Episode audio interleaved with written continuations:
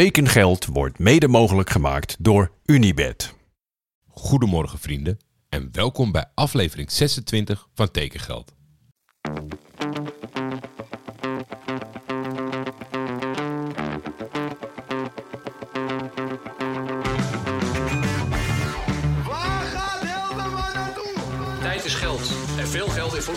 Is bijna een garantie voor succes. Hallo Paul, this is Hans Nijland.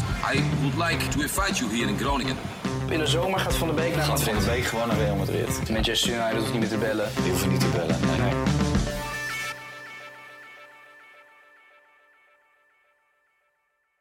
Zo, ik heb mijn best gedaan voor jullie om een beetje te landen na deze intense avond in de transfersferen van Istanbul.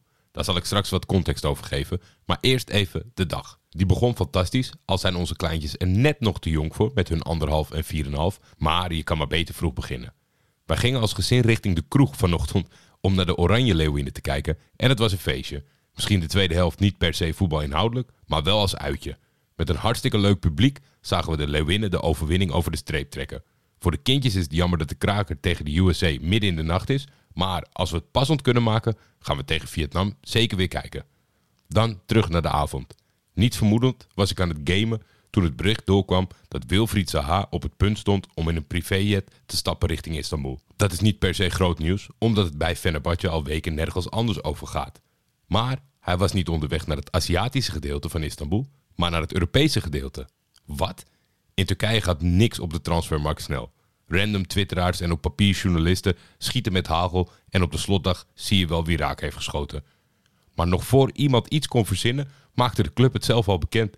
Zaha is een speler van Galatasaray. Het was zo'n zekerheid dat hij naar Fener zou gaan, dat niet één iemand heeft stilgestaan bij een transferkaping. En, dat moet ik jullie eerlijk zeggen, dat is toch wel een groot genot. Voornamelijk omdat het hele internet nu vol staat met rivalen die lovend spreken over jouw aanwinst. Ik ben er oprecht voorzichtig door geworden, want niks is zo verschrikkelijk als dat soort dingen proberen stiekem te wissen, jezelf tegen te gaan spreken terwijl je weet dat je liegt.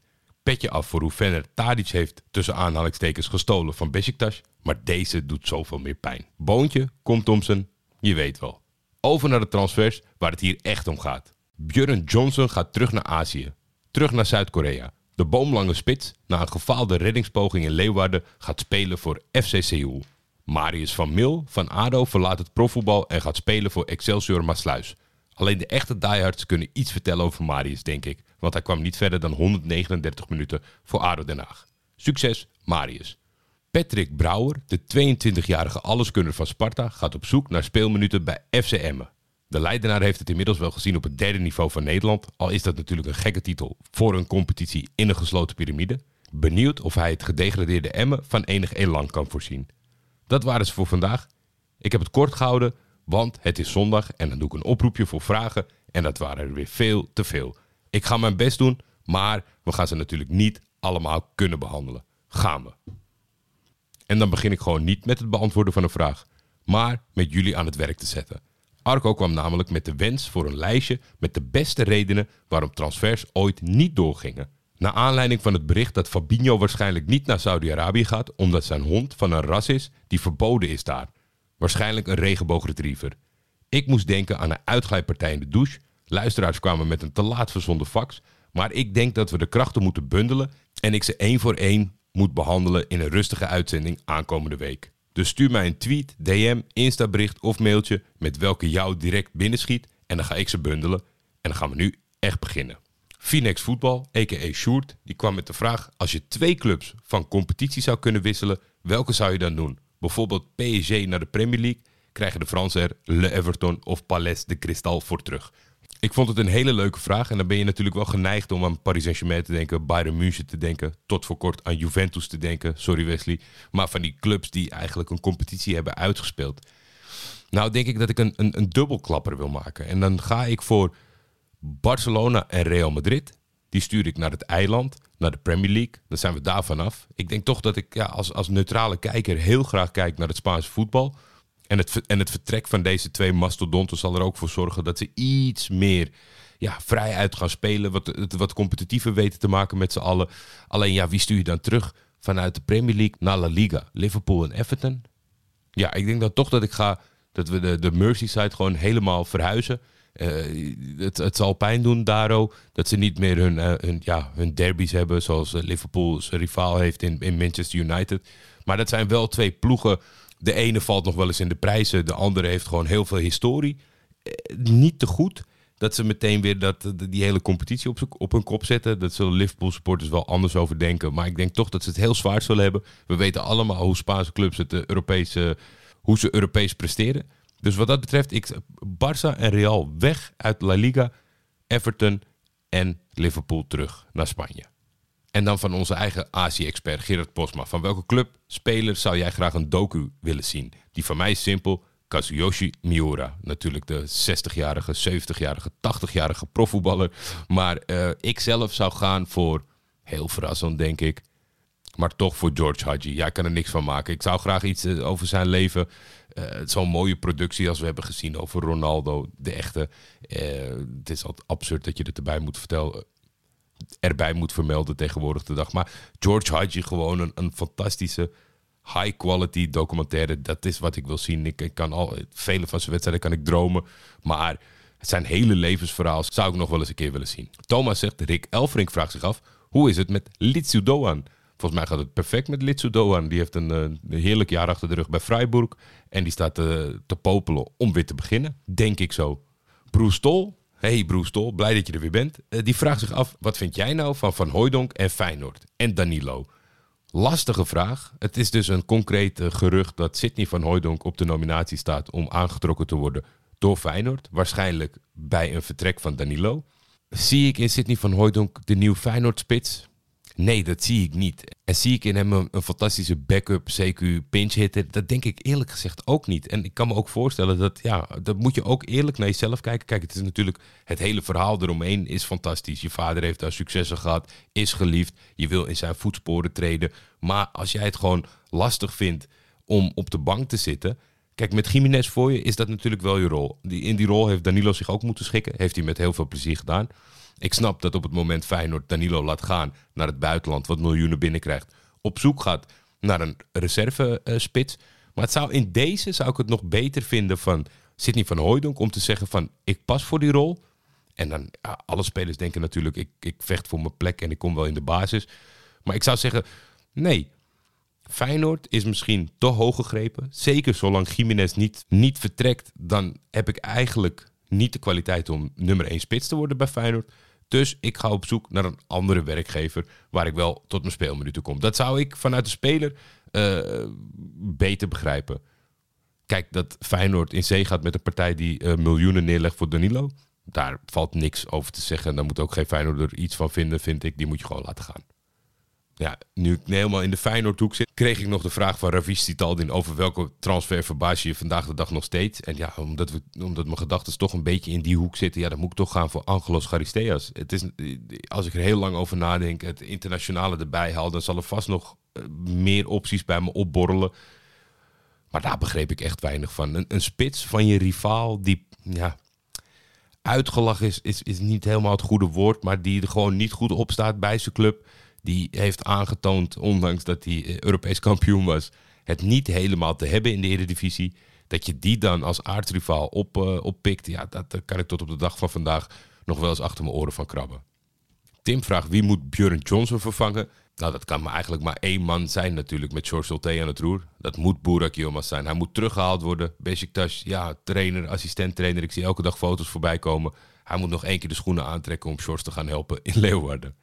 Mark vraagt, hoe bevalt het vaderschap? Nou ja, na een kleine vijf jaar eh, kan ik toch met een gerust hart zeggen dat het het mooiste is wat er is. Sandro Takka, loopt dit jaar alles wel tegelijk af qua transferwinderen of heeft de KNVB weer lopen slapen en zijn ze bijvoorbeeld in Engeland weer nog tot 2 september open en wij niet meer? Ik heb geen berichten voorbij zien komen op VI. Die waren natuurlijk super scherp op afgelopen jaar. Ik denk niet het jaar erop dat de Eredivisie, CQ, de KNVB weer dezelfde fout heeft gemaakt. Het is natuurlijk super lastig dat het een beetje afwijkt. Bijvoorbeeld mijn Turkije, die, die loopt altijd één of twee weken langer door. De vraag is, eh, wat doe je daarmee? Kijk, op een gegeven moment, het, het, allerbeste, en daar hebben we het ook, weet ik zeker, in seizoen 1 van tekengeld over gehad. Het aller, aller, allerbeste zou zijn. Kortere periode, over de hele, nou ja, in ieder geval over het gehele continent. zelfde data. Maar ja, daar gaan we nooit aan komen. Gortelaar, welke bekende twitteraar zou jij graag voor de Tekengeld Academy willen vastleggen? Ehm, het voelt niet goed vanavond, want ik heb me toch in de luren laten leggen in mijn enthousiasme, in mijn naarstige wens voor de terugkeer van de spits van Galatasaray dat ik hem heb geretweet. Maar ja, Tekengeld Academy betekent clubloos, CQ werkloos. Dus daar zou ik wel gewoon eh, Fabrizio Romano aan willen toevoegen. RN Akgünü. Zijn er spelers uit jouw periode in Konya die bekend zijn geworden het gemaakt hebben als voetballer? Vind ik een hele leuke vraag. Eh, ik heb ooit met Sam Verhaalte gezeten. Eh, die heeft mijn eh, levensverhaal opgetekend in het profvoetbal van Turkije. Daar heb ik het niet al te graag over. Maar enigszins context mochten mensen die afle- aflevering niet geluisterd hebben... maar wel naar tekengeld luisteren. Ik heb ooit twee jaar in Turkije gevoetbald in de jeugdopleiding van Konyaspor. En het hele gekke is voornamelijk RN dat in het eerste jaar Konyaspor... dat het jeugdelftal van Konyaspor kampioen is geworden van Turkije...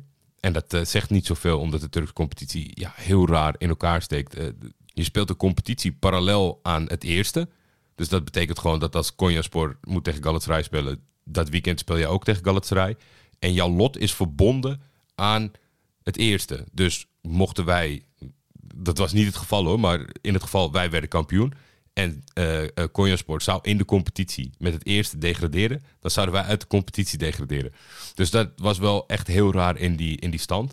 Maar gezien de titel blijft het natuurlijk heel vreemd. Ik heb al die jongens uh, ooit een keer opgezocht. want in Turkije heb je een pasje. Dat kan, je, ja, dat kan iedereen opzoeken. Wie waar speelt en wat is gaan doen. En helemaal niemand heeft het gered in het profvoetbal. Tenminste, niet op het allerhoogste niveau. En daar reken ik even toe de hoogste twee competities. En het is gewoon niemand gelukt. Nou ja, Eren, je bent van Turkse afkomst, dus je weet best wel wat het probleem is in het Turkse voetbal. Men past niet graag jeugdspelers toe. En dit was wel het ultieme voorbeeld van hoe hard genegeerd je kan worden. Ik had zelf een hele kleine inbreng in dat seizoen. Tot aan de winterstop was ik niet eens speelgerechtigd. Dus daar gaat helemaal niks met betrekking tot mezelf. Maar ja, de beste spelers, onze keeper denk ik, een centrale middenvelder en een, en een buitenspeler, die hadden gewoon hun kans moeten krijgen in het profvoetbal. En helemaal niemand heeft die gekregen. En zo oneerlijk kan het gaan. Ik uh, volg een aantal van mijn teamgenoten destijds nog op, uh, op Instagram. En eigenlijk heeft niemand meer wat met voetbal te maken. Albino vraagt zich af, wat vind je van trainers die openlijk in de media praten over de kwaliteiten van spelers? Zoals Stijn gisteren. Vind je het goed dat die gasten een schop onder de kont krijgen? Of denk je dat het averechts werkt? Ik vind het heel lastig. Want ik denk in zekere zin dat een trainer alles moet kunnen zeggen. En dat spelers daar ook mee moeten kunnen omgaan. Alleen het moet wel aansluiten bij je trainersprofiel op een of andere manier. Het is niet zo. Kijk, die amateurpsychologie, daar ben ik vaak niet zo goed van. Dat je op het moment dat iemand een goede wedstrijd speelt, kritisch bent. Of dat hij een hele slechte wedstrijd speelt. En dat je dan zegt uh, dat hij het goed heeft gedaan. Er moet gewoon een beetje een, een, een, lijn zijn. Als jij altijd de pers te woord staat en eerlijk zegt van die was goed, die was goed, die had een rotdag prima, daar moet je mee leren omgaan als speler. Dat, we hebben de trainers die van data houden. We hebben de trainers die een, een, een, arm over je schouder leggen. Trainers die je proberen te motiveren in woord en gebaar. Trainers die daar helemaal niet aan doen en het belangrijk vinden wat je voedingsschema is.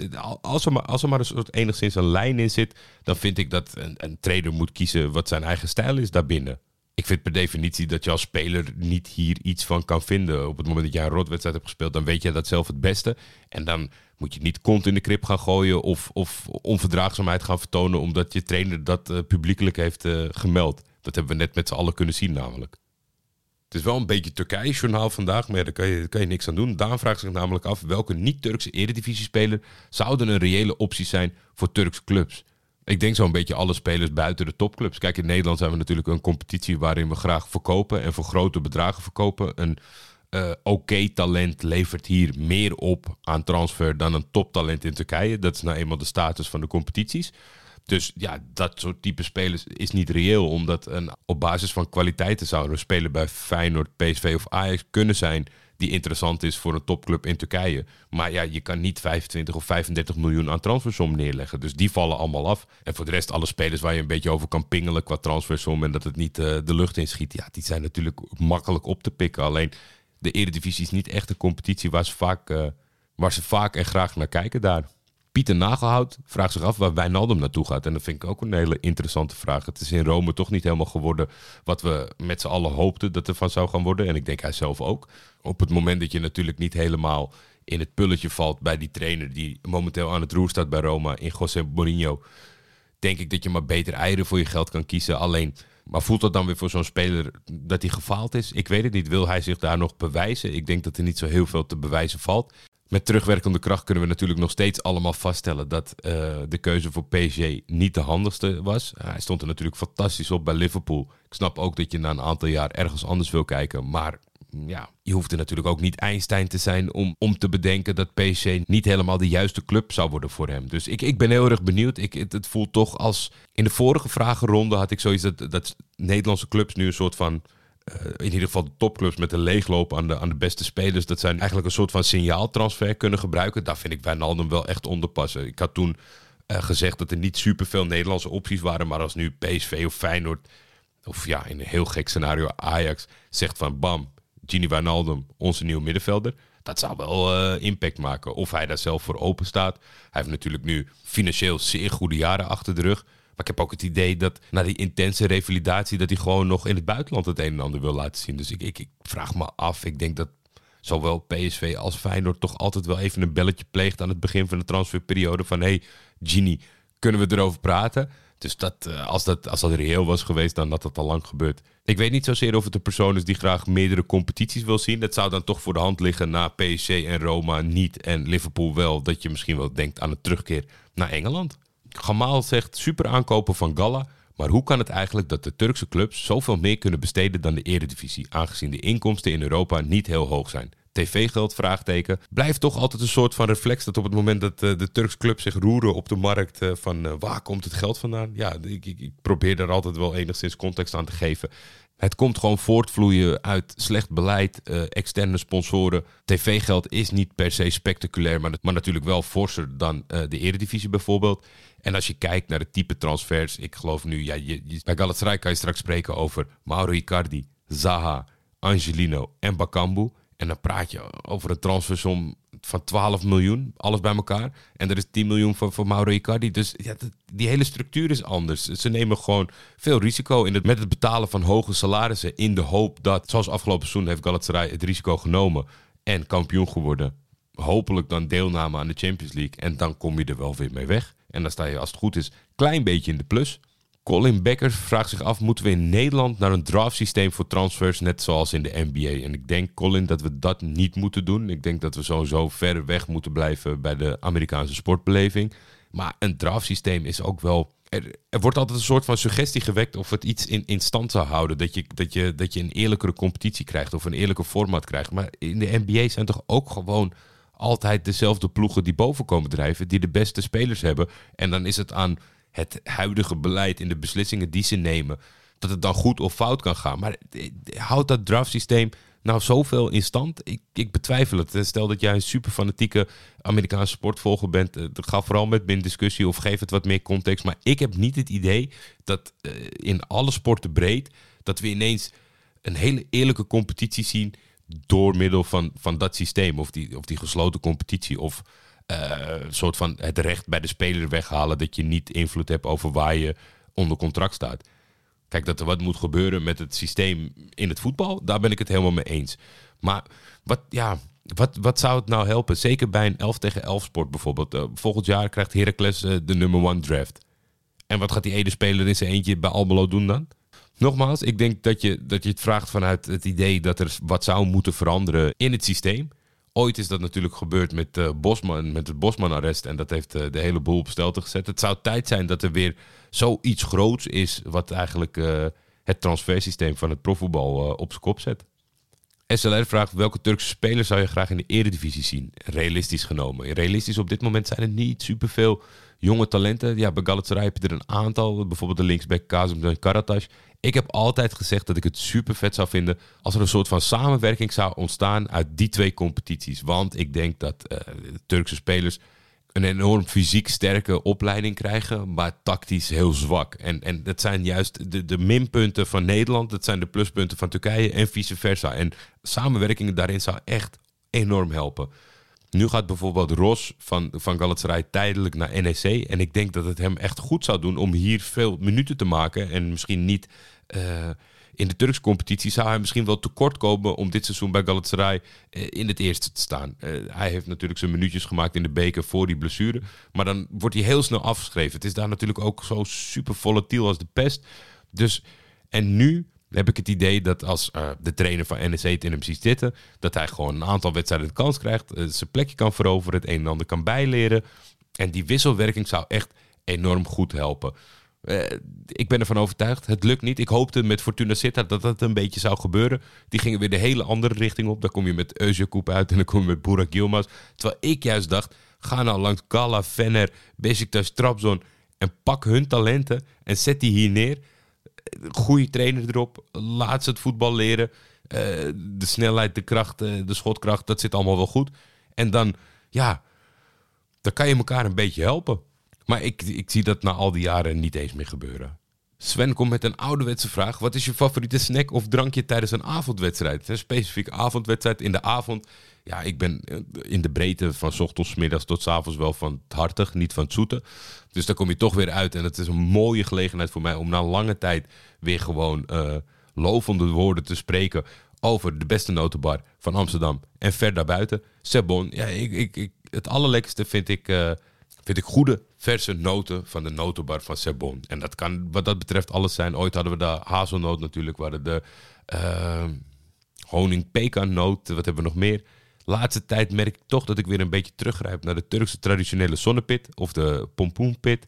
Maar eh, hartig, beetje zoutig. En drankje, ja, biertje, biertje. eh, een biertje hoort bij het voetbal.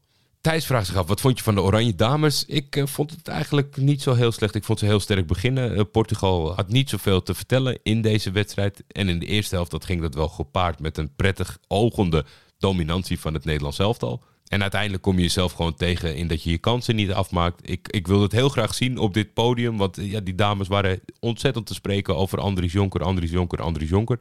Ik had toch ook een beetje de achterliggende gedachte dat het een beetje voortkwam uit het tegen zijn van de vorige bondscoach. Wat een enorme mismatch was met, eh, met Mark Parson.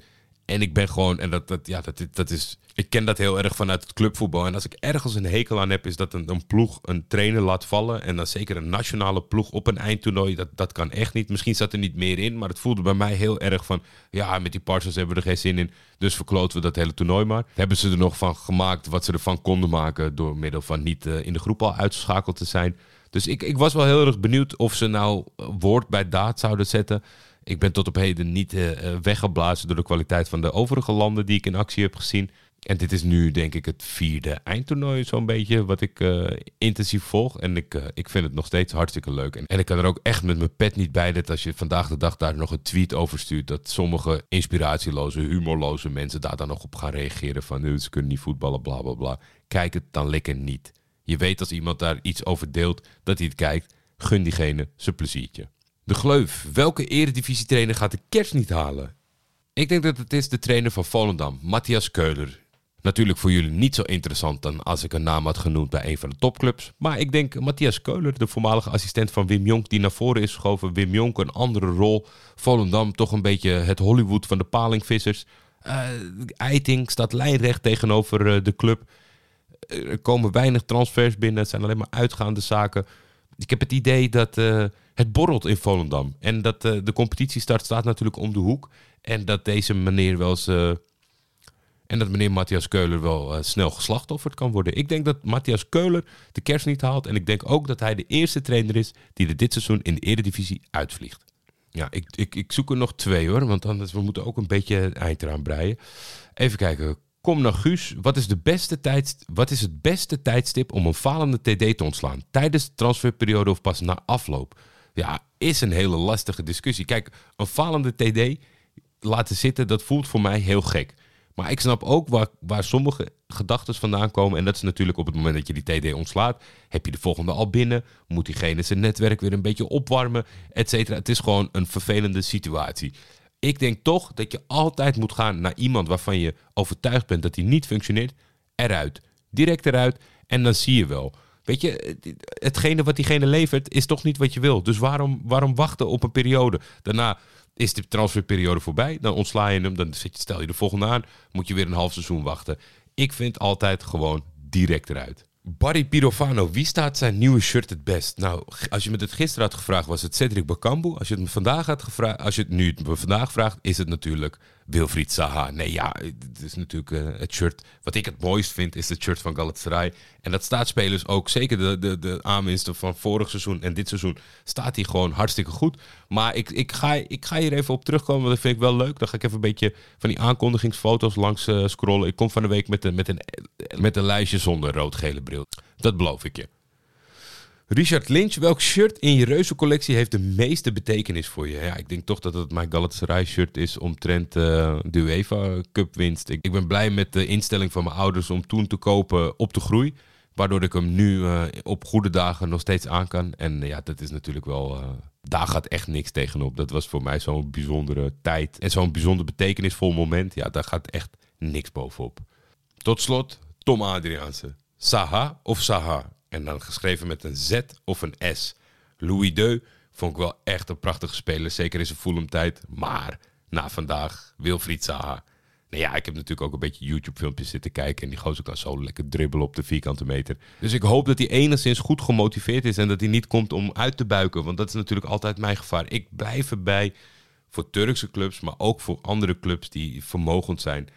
Doe nou eens aan prestatiecontracten. En dan mag je het van mij zo bond maken als je wil. Dat jullie met z'n allen zeggen, ah, die gasten zijn helemaal gek geworden. Mauri Cardi, 50 doelpunten, 10 miljoen. Wilfried Zaha, 30 assist, 30 miljoen. Het maakt mij niet uit. Maak het zo gek als je wil. Eh, finale Champions League, 100 miljoen. Zorg nou in ieder geval dat diegene... Want ja, als diegene dat bereikt, heb je dat geld ook binnen. Hoef je nergens zorgen om te maken. Zorg nou dat je, dat je de mindset een beetje verandert. We hebben last van inflatie, last van allerlei andere economische zaken. Zeg tegen die spelers, hier heb je een loon. Is een standaard fantastisch loon. Kan je prima van eten en drinken. Maar wil je echt verdienen, laat het maar zien op het veld. Het zal moeilijk zijn. Iemand zal het voortouw moeten nemen. Maar ga naar prestatiecontracten. Vergeet niet de show notes te checken voor alle informatie over het Night at the Campus evenement. De Oranje Dames zijn natuurlijk nu helemaal los en ik heb zin in de kraker tegen Team USA.